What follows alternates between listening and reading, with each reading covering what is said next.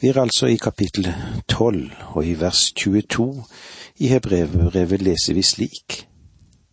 Nei, dere kommer til fjellet Sion, til den levende Guds by, det himmelske Jerusalem, til ti tusener av engler, til en høytidssamling. En vidunderlig kontrast, det som vi får oppleve fra den gamle pakt på Sinai-fjellet, og når vi nå står på Sionsfjellet og får oppleve å se inn i den nye pakt. Vi må huske på at hebreerbrevets forfatter taler til hebreerne her. Sionsfjellet var Davids sted i Jerusalem. Hans palass var i nærheten, og han ble begravd der oppe. Sion var Davids sted nummer én. Mange av de kristne jøder hadde fortsatt å dra opp til festen i Jerusalem, men nå, nå var forfølgelsene brutt løs og de kristne ble drevet ut av Jerusalem. Så han forsikrer dem om at de har et Jerusalem i himmelen. Sion er den himmelske stad, den evige stad der den levende Gud finnes. Åpenbaringsboken kaller det nye Jerusalem. Vi har noe som er langt bedre i Kristus enn jødene noen gang hadde hatt under loven. Til titusener av engler en dag skal vi dra inn i det nye Jerusalem, og åpenbaringen viser oss en veldig tilbedelsesscene. En kolossal gudstjeneste som Johannes så, og som han forteller om. Johannes sier, kanskje vi kan si det litt omskrevet, der er en stor samling av Guds englelike skapninger der, ti tusen ganger ti tusen. Og han så seg rundt og sa, jeg så ingen andre skapninger der. Det er flere enn noe menneske kan telle. Det er gudsskapte intelligenser, kalt engler. Jeg har aldri sett en engel, men jeg har ofte undret meg på det. En dag skal jeg være i det nye Jerusalem sammen med deg og med mange andre, der skal vi få lov til å delta i den veldige tilbedelsen av landet og alle disse skapte intelligenser skal være der. Og jeg håper jeg kan få anledning til å snakke med noen av dem. Ville ikke det vært interessant? Tiden kommer når vi skal være på det sted der de er. Vers 23 Til menigheten av de førstefødte som er oppskrevet i himmelen. Dere er kommet til en dommer som er alles Gud, til ånden av de rettferdige som har nådd fullendelsen. De førstefødte. De førstefødte henviser ikke til Kristus her, selv om han kalles den førstefødte i Skriften. Forfatteren taler her om de som er blitt født på ny. De er det eneste som kommer til å være der. Dette er menigheten samlet den som ved bortrykkelsen vil bli ført dit. Deres navn som er oppskrevet i himmelen, de er kommet til en dommer som er alles Gud. Jeg takker Gud for at når jeg kommer inn for Hans åsyn som er alles dommer, så er det en som er der allerede som har betalt straffen for mine synder, og skyldbrevet er revet i stykker til ånden av de rettferdige som har nådd fullendelsen. I dette er også inkorporert de hellige i Det gamle testamentet, hvis frelse er fullbyrdet nå da Kristus er død, som Guds lam som tok bort verdens synd. Vers 24 Til Jesus, mellommannen for en ny pakt, og til det rensende blod som taler sterkere enn Abels blod.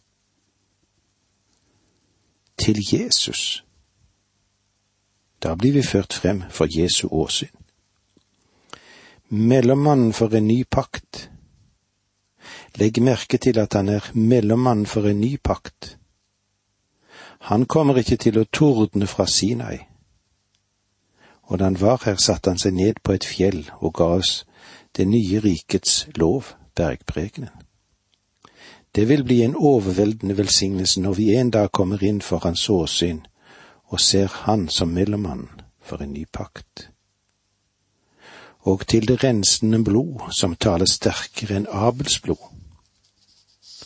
Abels blod ropte om hevn, men Kristi blod taler om frelse, og det er jo en fantastisk forskjell. Ser vi dette i en åndelig sammenheng, så kan vi gå tilbake til det første verset i kapittel tolv. Så stor en sky av vitner omkring oss. Og hva kalles de for? Jo, her kalles de for høytidssamlingen. Guds barn i den nye pakt som er oppskrevet i himlene. Dette er alle de troende salige, i motsetning til hva vi har sett i Det gamle testamentet. Bare tenk på Esau, han som solgte sin førstefødselsrett for en kortvarig nytelse av synden, slik som Moses gjorde. Men det er en trøst for oss troende som lever i dag, og ikke minst for de troende som er i trengsel og martyrium her på jorden. De blir minnet om at de er kommet til åndene av den rettferdige. De hører slik til med disse at de er kommet til. Det vil igjen si at de enda ikke har fullført løpet, og dog tilhører de den seirende menighet. Og med disse kan de si sammen med Paulus, jeg har stritt den gode strid, fullendt løpet, bevar troen. Så ligger der rettferdighetens krans rede for meg. Det er en veldig stor sammenheng mellom disse tingene her på jorden, det som kalles de salige, og de salige ånder i himmelen. Det er en fremhevet enhet, dette, i Gud og i Jesus. Og det understrekes òg ved at Gud er nevnt imellom dem som er oppskrevet i himmelen, og de fullendte.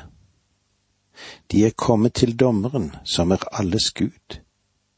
Han kalles alles Gud fordi han er alle menneskers skaper og dommer. I likhet med det fullendte rettferdiges ånder skal de som lever på jorden og har fått sitt navn oppskrevet i himmelen, fryde seg over at de er kommet til dommeren fordi de i troen er kommet til Jesus. Mellommannen, mellommannen som er kommet for å gi en ny pakt. Sammen med de fullendte skal Guds stridende menighet på jorden eie den samme nådefulle adgang til en levende Gud, Han som er all verdens dommer.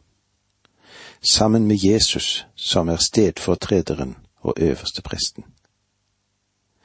Slik er evangeliets vidunderlige gave i den nye pakt, og dette er vårt privilegium, fordi det er en ny pakt, en ny tid og et nytt innhold. I vers tre i kapittel tolv leste vi Tenk på ham som holdt ut en slik motstand fra syndere. Forfatteren prøver å få disse hebraiske kristne til å ta øynene bort fra tempelet, bort fra blodofferet, bort fra ritualene, og feste dem på Kristi person. Og i dag trenger vi sannelig også få øynene bort fra kirkene, bort fra religion, bort fra organisasjon, bort fra mennesker. Det burde ikke være et menneske som vi ser hen til for vår frelses skyld, for ingenting kan erstatte Jesus. Se hen til Jesus, se bare på ham. Tempelet med all sin herlighet og sine ritualer var i ferd med å svinne bort og senere bli ødelagt. Nå må de ses under forståelsen av den nye pakt. Fest dine øyne på ham Se på Jesus. Noen har sagt at dette er enkeltheten i vår tro, og jeg er enig med dem i det, men det er en fare for å overforenkle alt sammen gjennom en del av metoder som brukes for å fremme evangeliet i dag, og det må vi være forsiktige med. Se på Jesus, Han som har gitt oss en fullkommen frelse. Takk for nå, må Gud være med deg. Dette undervisningsprogrammet består av to deler. Åge Nevland fortsetter nå med andre del av dagens undervisning. Vi er i Hebreerbrevet i det tolvte kapittel, og snart vil vi gå inn i vers 25 til 29. Og her er det viktig for oss å være klar over hvilken betydning ordet har for oss. Å avvise ordet, hva vil det si? Jo, da vil vi avvise Gud. Og vår holdning til Guds ord er vår holdning til Gud selv. Å avvise Guds ord er det samme som å avvise Gud selv, og slik vi omgås Guds ord, slik omgås òg Gud med oss. Det er denne situasjonen vi etter hvert vil komme inn på. Men la oss lese vers 24 i kapittel 12 før vi går videre inn i det som kommer i vers 25. Til Jesus, mellommann for en ny pakt, og til det rensende blod, som taler sterkere enn Abels blod. Til Jesus, til Jesus, mellommann for en ny pakt, og det rensende blod, som taler sterkere enn Abels blod. Abels blod ropte om hevn, men Kristi blod taler om frelse, og det er en veldig forskjell. Mange mennesker har gjort frelsen til en enkel sak, eller kanskje til en enkel matematisk ligning. Om du kan si ja til dette og ja til dette og ja til et halvt dusin andre spørsmål, så er den kristen, blir det kanskje sagt. En slik tilnærming gir ikke noe rom for Den hellige ånd og for overbevisning om synd. Det hele går ut på å nikke bekreftende og det blir et flyktig kjennskap til Jesus. Se på Jesus. Det betyr ikke nødvendigvis at du er født på ny. Det er et ord som delvis blir feil brukt i dag. Innvie ditt liv til Kristus. Hvilket liv har du innviet til Kristus? Kommer du til Kristus som en synder, så har du ikke noe i livet i ditt i det hele tatt. Du er død i synder og overtredelser. Det er Jesus som er den som sa det, jeg er, har kommet for at dere skal ha liv. Du innvier ikke ditt liv, ditt eget liv, men han innviet sitt liv for deg og døde for deg. Du og jeg er i utgangspunktet døde i synd og overtredelser, og han har liv i å tilby deg for han er kommet for at dere skal ha liv, liv i overflod. Dette står om i Johannes 10.10. La oss lese videre i Hebrebrevet 12,25. Se til at dere ikke avviser ham som taler. De som avviste ham som talte sitt ord her på jorden, slapp ikke unna. Enda mindre skal vi gjøre det dersom vi vender oss bort fra ham som taler fra himmelen. Se til at dere ikke avviser ham som taler. Siden den Herre Jesus Kristus er en så strålende Herre, siden Hans ord er viktigere enn alt annet, så vil du aldri tape på å gi ham din oppmerksomhet. De som avviste ham som talte sitt ord her på jorden, slapp ikke unna. Enda mindre skal vi gjøre det dersom vi vender oss bort fra ham som taler fra himmelen. Om du ønsker å se hva som hendte med et folk under loven, gå til Israel selv i dag. De lever ikke i fred. De har hatt en utrolig kampfullt historie mer enn, ja, vi kan vel si nærmere 2000 år. Hvorfor? Fordi de nektet å høre på ham. De nektet også å høre loven, og for det dømte Gud dem. Det er ganske alvorlig å lytte til denne advarselen som Jesus sa. Den som vil gjøre Hans vilje, skal kjenne om læren er av Gud, eller om jeg har den fra meg selv, som det står i Johannes 7, 17. Om du vil gjøre Hans vilje, så vil du finne ut om den er sann eller ikke. Men om du avviser, hvordan skal du da unnfly om du ikke akter så stor en frelser? Det er den samme Gud som taler i den gamle pakt og den nye pakt. Men her er en veldig forskjell, og den er slik at i den nye pakt, der er ordet blitt kjøt i Guds sønns liv, i hans død og, og i hans oppstandelse. Og derfor er ansvaret enda større i den nye pakt om det er noen som avviser ham, av de som taler hans sak. Da Gud talte ved Sinai, ba Israel om at Gud ikke skulle tale direkte til dem, men kun gjennom Moses. Og Gud, han godkjente denne bønn. Men enda de senere i sin ulydighet kun avviste ham som talte på jorden, som var Moses, sparte Gud dem ikke for deres gjenstridighet og den forakten som de hadde mot ordet. I den nye pakt er det Jesus som taler fra himmelen.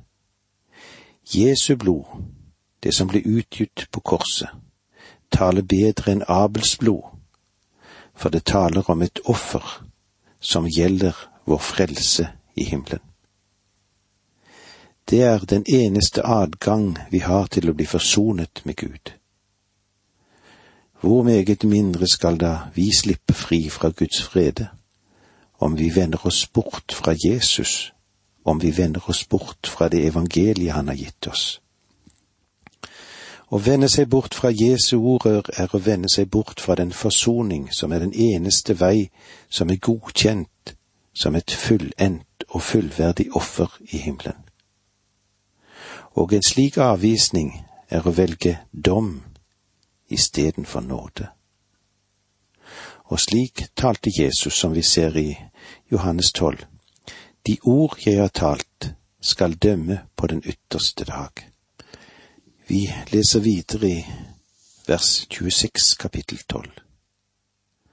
Hans røst fikk den gang jorden til å skjelve, men nå har han lovt, enda en gang vil jeg ryste, ikke bare jorden, men også himmelen. Da loven ble gitt, var det et jordskjelv, og ved Kristi korsfestelse var det et jordskjelv. Nå sier Gud at det kommer en dag da han skal ryste alt. Gud sier han kommer både til å ryste jorden og himmelen. Vet du hvorfor han skal gjøre det?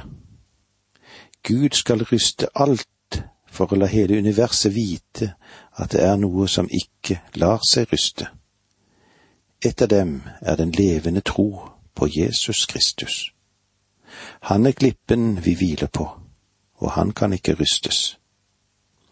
Vil du stå på et trygt sted i dag?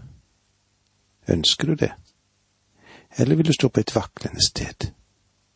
Vil du stå på et trygt, trygt sted, da skal du gå til ham. Mennesket ønsker å gjøre verden trygg, men ingen kan gjøre denne verden trygg og ingen verdensorganisasjon kan skape denne trygghet. Men Gud skal en dag gjøre denne kloden til et trygt sted, men for å gjøre det vil han først ryste alt. Guds ord, det vil forbli uforanderlig, dette mektige ord. Det vil ryste jorden og universet, alt sammen, det vil bli omskiftet. Hans røst har rystet jorden en gang, og han kommer til å gjøre det en gang til. Ved profeten Haggai, kapittel to vers seks, syv, åtte, leser vi. For så sier Herren Allers Gud, enda en gang, om en liten stund, vil jeg ryste himmelen og jorden, havet og det tørre land. Jeg ryster alle folkeslag så deres skatter kommer hit og jeg fyller dette hus med herlighet, sier Herren allers Gud. Sølv er mitt, og gull er mitt, lyder ordet fra Herren allers Gud. Dette nye hus skal bli herligere enn det første, sier Herren allers Gud. På dette sted vil jeg gi fred, lyder ordet fra Herren allherrs Gud. La oss se litt videre i brevbrevet 12, vers 27. Her står det enda en gang. Det viser at det som kan rokkes fordi det hører til det skapte, det skal skiftes ut, for at det som ikke kan rokkes, skal bestå. Med andre ord er det best vi passer på at vi bygger våre liv på dette rette fundament. Eller bygger vi på sandgrunn? Eller bygger vi på klippen som er Kristus? For at det som ikke kan rokkes, skal bestå. Gud vil bli, Hans ord vil bli, og det evige rike som de troende borgere av, vil forbli. Ordet ennå en gang, det peker ikke bare på jorden universitetets tidsbegrensning, men det gir òg til kjenne en omskiftelse av det skapte til en ny evighetsorden i alle tings fullendelse. Alt det skapte, det som er forgjengelig, skal omskiftes, slik Jesus sa det.